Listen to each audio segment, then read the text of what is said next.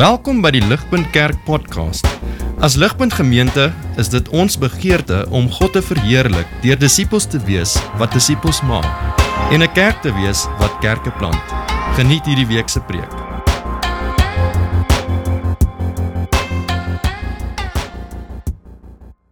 Great. So hier is waarmee ek wil open. Ek wil julle verwys na 'n studie toe, 'n Barna study, 'n Barna studie.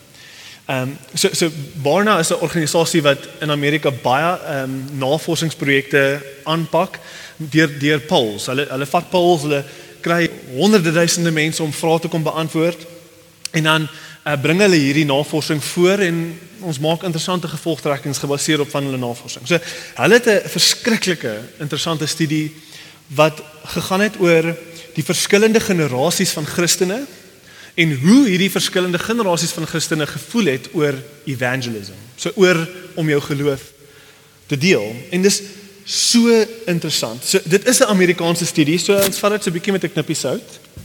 Ehm um, maar ek dink daar's baie waarde hier. Okay. So dit behoort vir julle op te kom. Ek hoop julle kan dit sien. Ehm um, maar maar check gou check gou wat hierdie navorsing gewys het. Ehm um, kan julle dit sien? Wat? O. Kan julle my nou hoor? Is dit beter? Sjoe, ek moet dit meer doen in 'n preek. Dit sal eintlik help want dalk is daar iets. Okay. So so ek wil net hê julle moet dit sien want as julle nie kan sien nie sal ek duideliker wees, maar maar kyk net gou vinnig saam met my na hierdie studie. So hulle het elke generasie, okay? Uh millennials, um Gen X, boomers, elders, vier generasies gevat en en as jy kyk aan die eerste punt, elke generasie van Christene glo letterlik almal 95% glo almal part of my faith means being a witness about Jesus. Ek moet deel oor Jesus. Almal glo dit. Okay? Tweede punt, weer eens in die hoë 90s glo elke generasie glo letterlik almal die beste ding vir enige iemand sal wees as hulle tot geloof kom in Jesus. Amazing, okay? Derde punt sê uh, hoë 80%, nê, nee, dis amazing. Hoë 80% voel hulle kan selfs vra oor hulle geloof beantwoord. Dis dis amazing. Um 80% van gelowiges glo in elke generasie hulle kan vra oor hulle geloof beantwoord. En en die vierde punt is amazing. Hier moet ek sê, lekker millennials, hier gaan ons, okay? Ek's trots op julle. Millennials, nê? Nee, dis basies ons, tussen 20 en 34. Okay, dis dis ons wat hierso sit. 73 van hulle, 73% van hulle glo I am gifted at sharing my faith with other people. Okay, meer as enige ander generasie. Ons glo I'm gifted. Ek kan hierdie doen. Okay? Maar nou check hier punt 5. Hierdie is wat dit interessant maak. Hierdie is wat baie interessant raak. Hier is die vraag by punt 5. Is dit verkeerd van my om my geloof oortuigings te deel met iemand wat deel is van 'n ander geloof met die hoop dat ek hulle kan convert? Is dit verkeerd? Okay? So al die ouer generasies het 'n baie klein persentasie van mense wat gesê het ja, ek glo dit is verkeerd. So 20s, 20% daarom om en by. Maar amper 50% van millennials ons, nê, nee, glo dis verkeerd om om om my geloof te deel met iemand van die ander geloof met die hoop om hulle te oortuig. 50% van ons glo dis verkeerd. Hoe interessant is dit nie? Dis verstommend. So dubbel amper die naaste een, die die een die een langs hom. Ons is ons is ons is heeltemal anders as 'n generasie as dit kom by ons geloof deel. Heeltemal anders as enige ander ander generasie. Die vraag is is is obviously hoekom? Hoekom voel ons so? Hoekom voel ons dis dis dis moeilik? En en hierdie studie het juis 'n uh, 'n uh, uh, die antwoord probeer hulle het al gesê wat ons weet hoekom. En en so hier's 'n quote. Ek ek dink dis baie meer kompleks as hierdie, maar ek dink dit is behulpsaam. So Hierdie artikel sê hierdie is hoekom ons generasie sukkel. So lees hom my. Younger Christians tend to be uh, more personally aware of the cultural temperature that surrounds spiritual conversations. Among practicing Christians, millennials report an average median of four close friends or family members who practice a faith other than Christianity. Most of their boomer parents and grandparents, by comparison, have just one. Sharing the gospel today is made harder than at any other time in recent memory by an overall cultural resistance to conversations that highlight people's differences. Baie behulpsaam. Baie behulpsaam dink ek. So so ek dink ons is meer bewus dat daar dat daar dat daar 'n sensitiwiteit is om om geloofsgesprekke. Ons het ons is, ons is ons lewe glad nie meer in 'n Christelike wêreld nie. Kyk, ons ouers het groot geword in 'n Christelike wêreld. Ons doen glad nie. Ons lewe in 'n wêreld wat baie meer blootgestel is aan mense wat nie glo wat ons glo nie. En dan natuurlik laastens die hele idee van van tolerance. Van ek mag nie met jou verskil nie, want as ek met jou verskil dan haat ons mekaar of iets. Daar's ek hierdie weird dinamika wat afspeel en en al hierdie dinge maak dit eintlik baie moeilik vir ons. En ek's nie verbaas dat ons dink dit is verkeerd nie.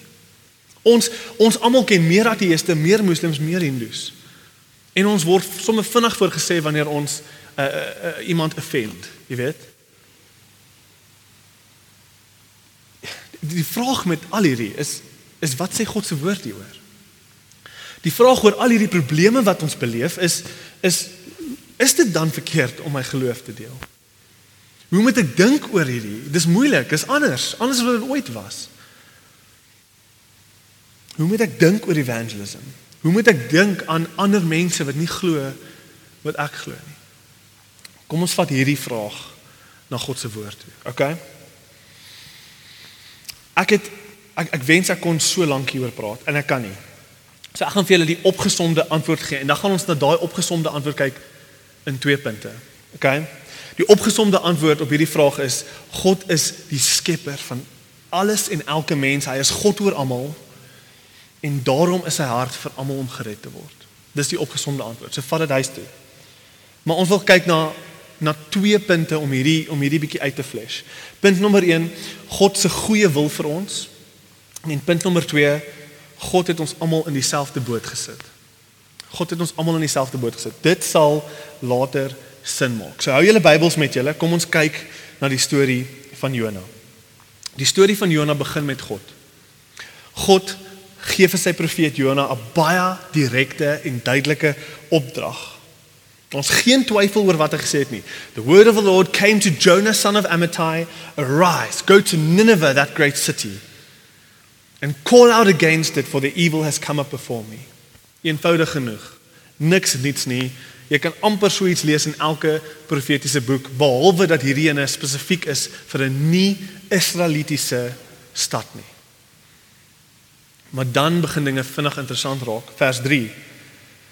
So Jonah arose to go to to go to Nineveh near to flee to Tarshish away from the presence of the Lord. He went down to Joppa and found a ship going to Tarshish so he could pay he paid the fare went down into it to go with them to Tarshish away from the presence of the Lord.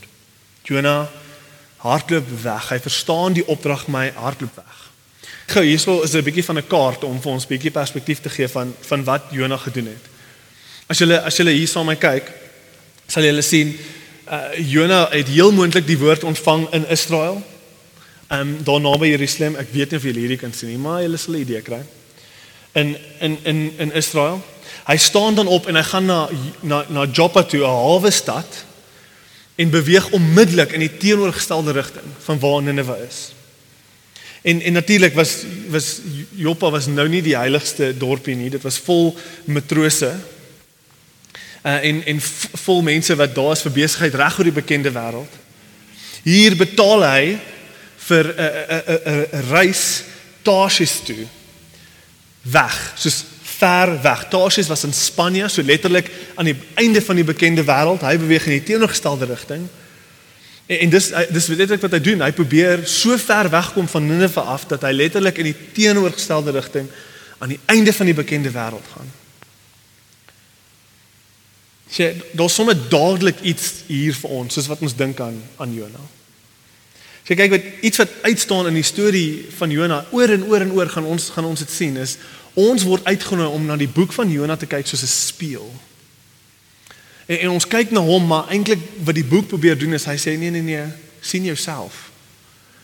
sien jouself. Wanneer God vir vir vir die vir die wind sê, "Gaan daar." Dan gaan die wind daar. Dit sien ons in hoofstuk 1 van Jona. Wanneer wanneer hy vir die golwe sê, "Gaan daar," dan dan sien jy in hoofstuk 1 die golwe doen wat God sê. Wanneer hy vir die groot vis sê, "Gaan sluk my opstandige profeet in," dan doen die vis dit.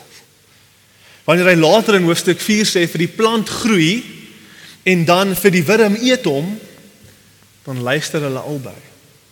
Sê alles in die natuur, alles in die skepping luister wanneer God praat. Alles behalwe die mens. Almal en alles luister behalwe die mens. Die mens is die enigste dier, die enigste skepping van God wat nie luister wanneer God sê gaan nie. En ons sien dit in Jona. Die, die, die eerste 3 verse hier nooi ons al klaar uit om onsself te vra. Waarvoor hardloop ons? Want die mens is die enigste een wat nie luister vir God nie. So Jona is nie die enigste kind wat vir God wat wat nie luister vir God nie. Nee, on, ons almal weet hoe dit voel. Ons weet hoe dit voel om die Here as ons hemelse Pa te te, te hê en en ons weet hy roep ons tot iets. On, ons weet hy roep ons tot iemand. Ons weet hy roep ons om iets op te gee. Ons weet dit in ons hart diep binnekant. Ons weet dis nie sy wil vir ons nie. En, en dis so persoonlik, jy weet dit, jy weet dit. Ek weet dit. Hy roep jou om sekere gewoontes op te gee, om meer tyd met hom te spandeer, wat ook al dit mag wees, hy roep jou tot iets. Hy maak sy wil duidelik aan jou. Ons weet hoe dit voel wanneer God se woord hier gepreek word en jy weet hy praat met jou. Maar tog luister ons nie. Kyk wat ge, gebeur volgende. In vers 4 lees ons and the Lord hurled a great wind upon the sea. So hy vat hom net soos soos 'n snowball, 'n cricketbal en hy hy gooi net die wind op die see. Daar waar Jonah nou op die skip is met sy met sy matroosmaatjies. And the great wind came on the sea and there was a mighty tempest so that the ship threatened to break apart vers 4. Die storms kom. Die, enigste ding meer simpel as Jonah wat ongehoorsaam is, is die feit dat hy dink hy kan weghardloop vir die alomteenwoordige Skepper God. Kyk, dit maak nie saak waar ons is nie. Maak nie saak wie ons is nie of wat ons aanvang nie of hoe ver ons dink ons gaan wegkom van die raf nie of hoe lank ons al ongehoorsaam is nie. God kom vir sy kinders. Hy kom haal hulle, hy jaag hulle. Maar daar's 'n prys om te betaal vir ongehoorsaamheid. Daar's 'n prys om te betaal vir ongehoorsaamheid. Daar is storms. Uh Tim Keller is is regtig op som hier in, in sy boek Prodigal Prophet. Hy, hy sê hierdie, lees dit saam met my. Hy sê the Bible does not say that every uh, difficulty is the result of sin. But it does teach that every sin, every disobedience will bring us into difficulty. We cannot put all our own selfish interests ahead of the common good and still have a functioning society. We violate the design and the purpose of things if we sin against our bodies, our relationships, our society, or God. They strike back. There are consequences. If we violate the laws of God, we are violating our own design since God built us to know and serve and love Him. All sin has a storm attached to it. As jy kyk in in in ongehoorsaamheid glo ons ons glo in ongehoorsaamheid daai pad wat God vir ons wil hê, daai ding waarna toe hy ons roep, al is dit ongemaklik, ons glo dis nie die goeie lewe nie. Ons glo hy het nie regtig die die beste vir my in gedagte nie. Ons glo die lewe van 'n disipel is nie regtig die lewe wat die wat die vrugbaarste, volste en mees lewende is nie. Ons glo dit nie. Sien Jona betaal baie duur in hierdie storm. Hy het fisies betaal soos dat hy in die skip sit in die storm, maar hy het ook duur betaal letterlik in terme van reisgeld. Dit is nie cheap om so ver te reis nie. En ek het interessant genoeg gehoor hoe een pastoor praat van Jona en hy sê basies wanneer ons ons eie pad kies op elke vlak betaal ons Ons betaal in ons eie moeite en ons eie geld, ons betaal wanneer ons ons eie pad kies. En ons kom nooit by ons bestemming uit nie. Maar wanneer ons God se pad kies, wanneer ons oorgee, betaal hy als en ons kom altyd by ons bestemming uit. Sê ek ek weet nie wat die Here op jou hart gelê het nie. Ek weet nie wat hy jou na toe roep nie. Dalk kom dit by jou op. Dis wat die Heilige Gees doen in preek. Hy praat met jou. Ek weet nie waarna toe die Here jou roep nie. Maar hoor vanaand dit kom van 'n goeie hemelse Pappa af.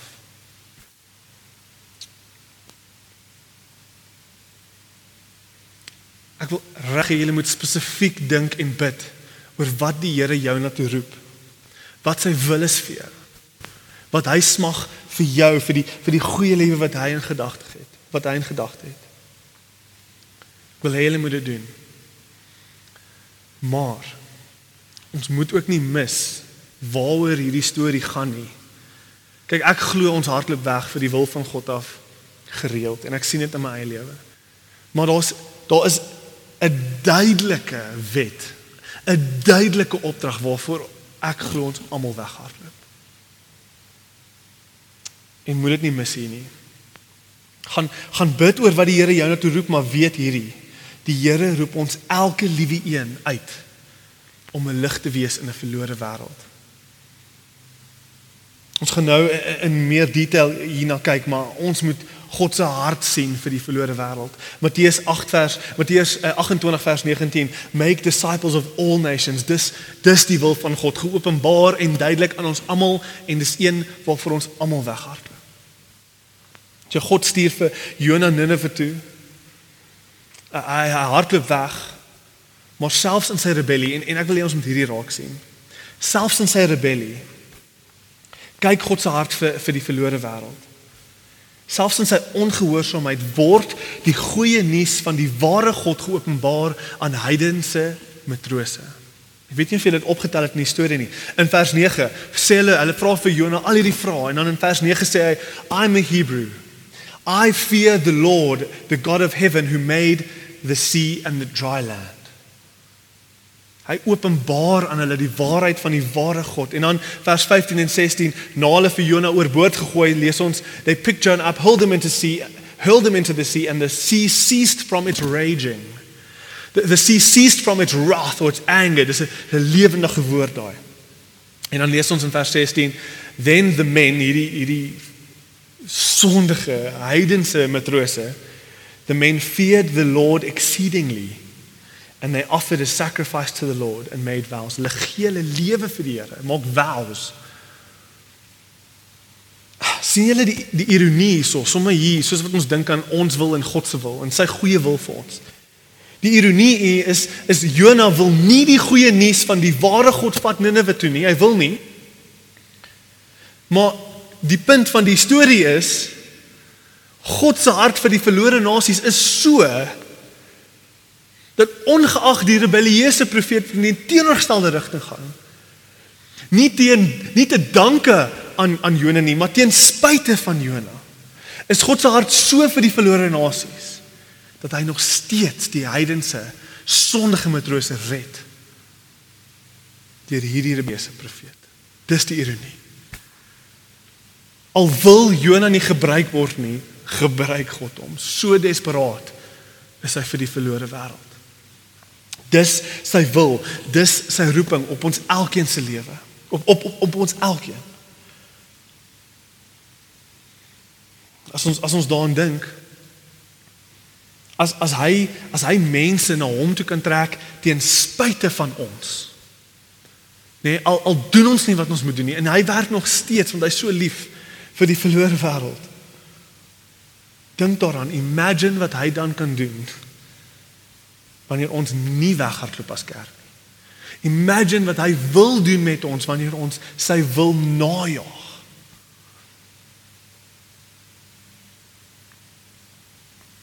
Dis die uitnodiging hier. Kyk ons weet ons harte weg vir God se wil.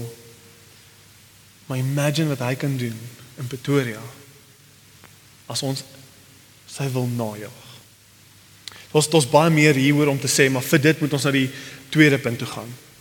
Tweede punt hierso is, dit was nou die eerste punt, God se goeie wil vir ons, maar die tweede punt hier, uh, God het het ons almal in dieselfde boot gesit. So kom ek probeer sin maak van hierdie hierdie baie weird opskrif, okay? O, ons lees weer net vinnig van van vers van vers 4 af. So so so die Here gooi hierdie wind op die see En en en skielik is daar hierdie hierdie rower of sê en die skip is basies besig om uitmekaar uit te breek. Van vers 5 af van vers 5 af the the, the mariners die matrose uh, they were afraid and they each cried out to his god. So ons weet hierdie was hierdie was 'n boot vol vol matrose van verskillende nasies af. Okay, hulle almal skree uit na hulle God toe. So desperaat they hurled their cargo that was on the ship into the sea to lighten it for them. But Jonah had gone down into the inner part of the ship and had lain down and was fast asleep. Verse 6. So the captain came to him, What do you mean, you sleeper? Arise, call out to your God. Perhaps the God will give us thought and he, and, and he might save us. We might not perish. See, those, those, those, those detail hier, wat as ons bietjie hierdie prentjie gaan, gaan uitvlees, is daar 'n ongelooflike boodskap vir ons. 'n werklike challenge en, en, en so ek wil hê julle moet saam met my net gou 'n bietjie in detail vassit hierso en en ek wil ek wil hierdie prentjie verf van wat hierdie boek vir ons probeer sê. So wat ons hier sien, nê, nee, hierdie prentjie wat geskets word vir ons is is ons sien hierdie verlore matrose. Vinnig lees ons dat hulle hulle ervaring is uh, hulle ervaring as matrose, die feit dat hulle al vir jare op die see is. Hulle hulle ken hulle boot, hulle ken die see, vinnig besef hulle hierdie is nie 'n normale storm nie. Daar's iets divine hierso. Okay, God is verseker in hierdie storm. Hulle weet dadelik hulle is in die moeilikheid. Vinnig lees ons hoe hulle vrees vir hulle lewens, hulle gooi hulle vrag oorboord, hulle gooi letterlik hulle lewe, hulle dit hulle lewens bestaan oorboord. Sien, hier is baie geld. Hierdie is al wat hulle vir baie baie baie kilometers sou vervoer het. Gooi alles weg. Okay, hierdie hulle gooi alles weg. Maar maar nie net dit nie, hulle skree elkeen uit na hulle eie God toe. Ek kan ek kan imagine hoe hulle letterlik deur 'n lysie van elke liewe God wat hulle ken gaan. Hulle gaan so, dalk gaan een van hulle net help hierso want hulle lewens is in gevaar. En natuurlik gebeur niks nie. So ons sien, ons sien weer eens, ons sien 'n groep verlore matrose in 'n storm van God. En hulle gebruik alles in hulle vermoë om hulle self te red, maar niks werk nie. Hier kom die belangrike belangrike belangrike vraag. Hier is wat dadelik vir jou moet opvallend wees soos wat jy hierdie lees. In hierdie situasie, hier is die vraag. Waar is Jona in al hierdie? Waar is die een met die antwoord? Waar is die een wat hulle kan red? Waar is hulle enigste hoop? In die beste binneste weggekruipste deeltjie van die skip besig om te slaap. Ek weet nie of jy begin agterkom wat die Here hier vir ons probeer sê nie. Maar die hele episode is so geskryf dat ons moet sien dat net soos wat Jona weggehardloop van Ninive, so ook lê hy en slaap in die midde van die hopelose situasie. So des so so desperaat is die matrose dat die kaptein kom van die skip en hy raas met die profeet. Hy raas met hom. Hy sê, "Awake you sleeper." Dis 'n absolute, dis 'n absolute skel. Arise, doen net iets tog. Wie is jou God? Het jy nie geskree na jou God nie? Dalk red jou God ons. Julle die die ironie hier is insane. Die ironie is soos next level. Hier is God se eie profeet, net die heilige Hebreë. Hy die hy die ware God. Hy's so trots. Hy's so lief vir sy eie mense. Hy weier om vir Ninive te gaan red. Hy hardloop sommer weg. Hier is God se ou trotse profeet. En hy word vasgevat deur 'n heidense matroos deur 'n heidense sondaar. Iemand wat wat Jona nie eens meer sou koffie of tee wil drink nie. 'n Heidense profeet raas met God se profeet. 'n Heidense se se matroos raas met God se profeet. Die heiden sien duideliker as die profeet. Daar's 'n amazing preek deur Hugh Martin uh, en die preek op hierdie spesifieke teks is getitel The World Rebuking the Church. En ek dink ek dink dis briljant. Ek dink dit is so so powerful. Hoekom? Hoekom hoekom hoekom moet moet moet die kerk gerebuke word? Hoekom hoekom moet die heidense kaptein vir, vir Jona aanvat? Kom ek kom ek stel dit so, wat sou die kaptein vir ons gesê het in moderne terme? Wat probeer hierdie hierdie kommunikeer? Hierdie sou die kaptein, hierdie sou die rebuke gewees. Hierdie sou die kaptein se klagte aan ons gewees het. Kan julle nie sien dat ons op die punt staan van sterf nie? Kan kan kan, kan hoe kan hoe kan julle so onbewus wees van ons behoeftes? Jona, hoe kan jy so onbewus wees van ons behoeftes? Dat jy slaap terwyl ons sterf. Ek verstaan jy's 'n man van geloof, jy het 'n God, ek verstaan dit, ek weet dit. Waarom lê jy en en en slaap dan? Is is jy nie 'n mense van geloof nie? Is jy nie God se mense nie? Staan op, kom help ons, gebruik jou geloof. Roep uit na jou God namens ons. Ons is besig om te verdrink hier.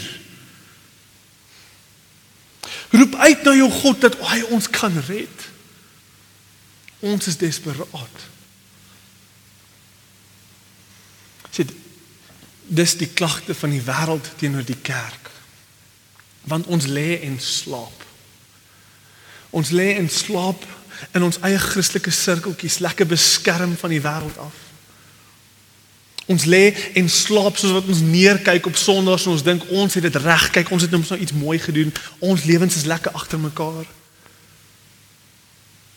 Ons lê en slaap terwyl daar die storms van God se woede hang oor die verlore wêreld om ons en ons lê en slaap en dan moet die heidene uit skree na ons toe in hulle seer en hulle afgodery soos wat hulle paniekerig uitskree na God toe, al hulle al hulle gode toe, al hulle afgode toe. Hulle skree uit na ons toe en sê kom help ons. Weet jy nie hoe moeilik dit buite gaan nie? Verstaan jy nie jy die boodskap van hoop nie? Verstaan jy nie jy's die antwoord nie? Yes, dis dis dis die amazingste storie dat hulle dit so kon kon oordra. En, en dis die punt. Dis die punt. Ons almal is in dieselfde boot. Gered en nie gered nie. Ons is vir tyd en wyl in dieselfde boot. Ek het eintlik ook hierdie punt by by Timothy Keller gesteel. So vergewe my, maar maar hoor net gou hoe sê hy hierdie. Dis baie interessant. Hy sê we are all believers and non-believers in the same boat. Never was that old saying truer than it was for Jonah. So if crime plagues a community, or poor health, or water, or water shortage, or the loss of jobs, if an economy and social order is broken, we are all in the same boat. For a moment, Jonah lives in the same neighborhood with these sailors, and the storm that threatens one person threatens the entire community.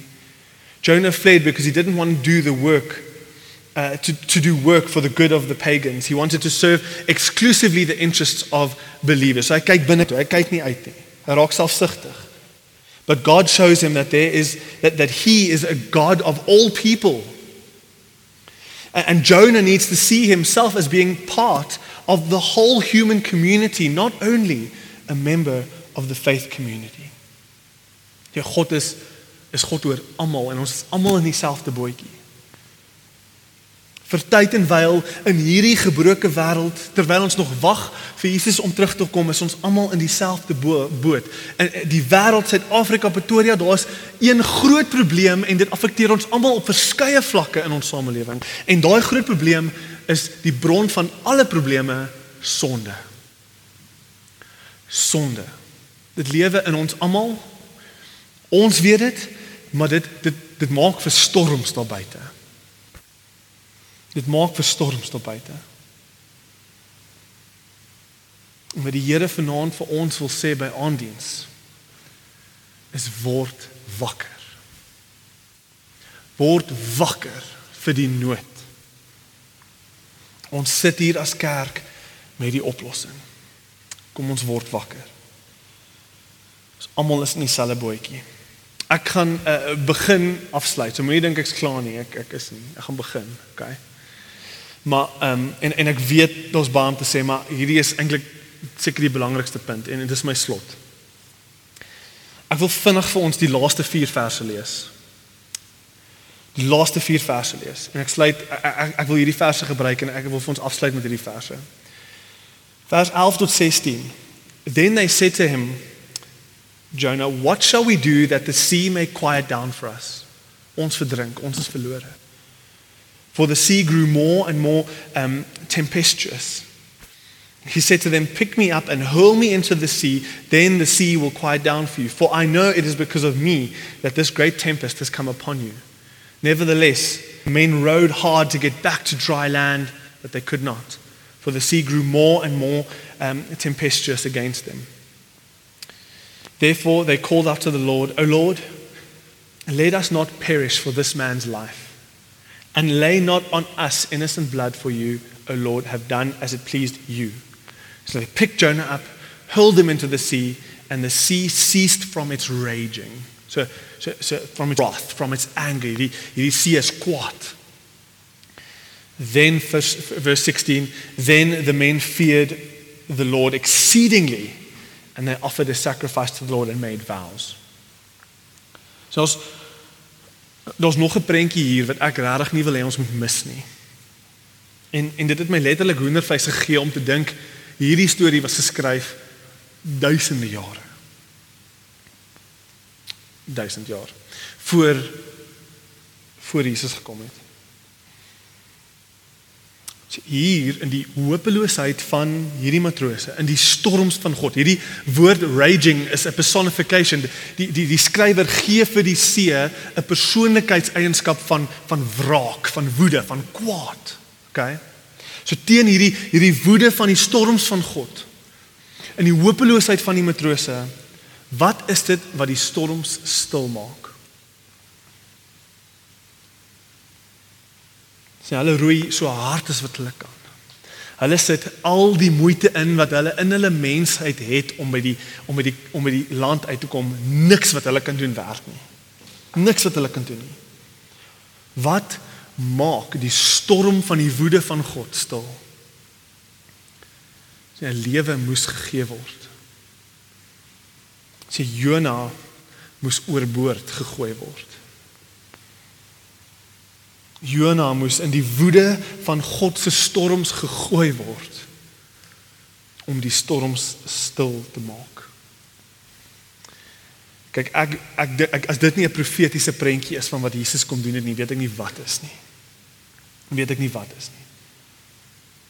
En en as as as dit nie goed genoeg is vir julle nie, hier's hier's nog 'n storie. Jesus self op die boot met sy disippels. Die storms kom. Die storms kom. Hulle vrees ook vir hulle lewens. Hulle is ook hopeloos. Hulle roei met alles in hulle om by die land uit te kom. Niks werk nie. Jesus slaap ook onder in die boot. Maar vir 'n baie baie ander rede. Ja, hy slaap nie want hy hardloop weg vir God se wil nie. Hy slaap want hy is daar vir God se wil. Die disippels maak hom wakker. Hulle skree uit na hom toe. Hulle sê: "Wat doen jy? Ons is besig om te verdrink." Wat is sy antwoord? Hy sê: "Julle het nie geloof in my nie. Julle vir julle vertrou my nie. Dis vrees julle vir julle lewens." Jesus staan op en met een woord stil hy die storms van God se woede. Sien Jona was oorboord gegooi, maar hy het nie dood gegaan nie. Die vis het hom kom insluk. Hy's net hy's net 'n prentjie wat wys na die na die ware een toe wat die die een wat regtig oorboord gegooi was in die woede en in die storms van God, Jesus Christus. Nee, Jesus was totaal en al oorgegee aan die geregtigheid van God se woede en storms teenoor hierdie wêreld. Sodat daai woede ons nie insluk nie. Dalk dalk sit jy hier en, en ek ek wil jou uitnooi as as jy vanaand hier sit en diep binnekant jou weet jy jy is nie gered nie. Hoor En asseblief sien hierdie vanaand. sien sien vanaand dat met alle liefde in my hart sê ek jy is verlore in die storms van God se woede. Jy is verlore in die storms van jou eie sonde en afgoderry. Maak saak hoe hard jy roei nie, jy gaan jouself nie kan red nie. Die Here kyk na jou en hy sien die diepste donkerste hoekies van jou sonde en hy laat nie sonde staan nie. Hy is heilig. En hy kom om om die rebellie van die mens te straf. Hoor my. Jy het net een hoop. En dis nie Jona nie. Dis Jesus. Daar's net een wat vir jou oorboord gegooi is in die storms van God se woede teenoor jou. Jesus Christus wat namens jou op die kruis gehang het sodat al jou sondes op hom hang, elke liewe een. Al jou skaamte, al jou diepste donkerste kwaad is weggewas deur die bloed van Jesus soos wat die straf van God op hom geland het en nie op jou nie. As jy sal vertrou op hom en hier's die vraag vir jou, gaan jy jouself oorgee aan hom? Gaan jy hom vertrou vanaand soos wat die uitnodiging gemaak word aan jou? Gaan jy oorgee aan hierdie liefde of gaan jy aanhou roei en jouself by land probeer uitkry? Gaan jy in hom vertrou vir die vergifnis van jou sondes?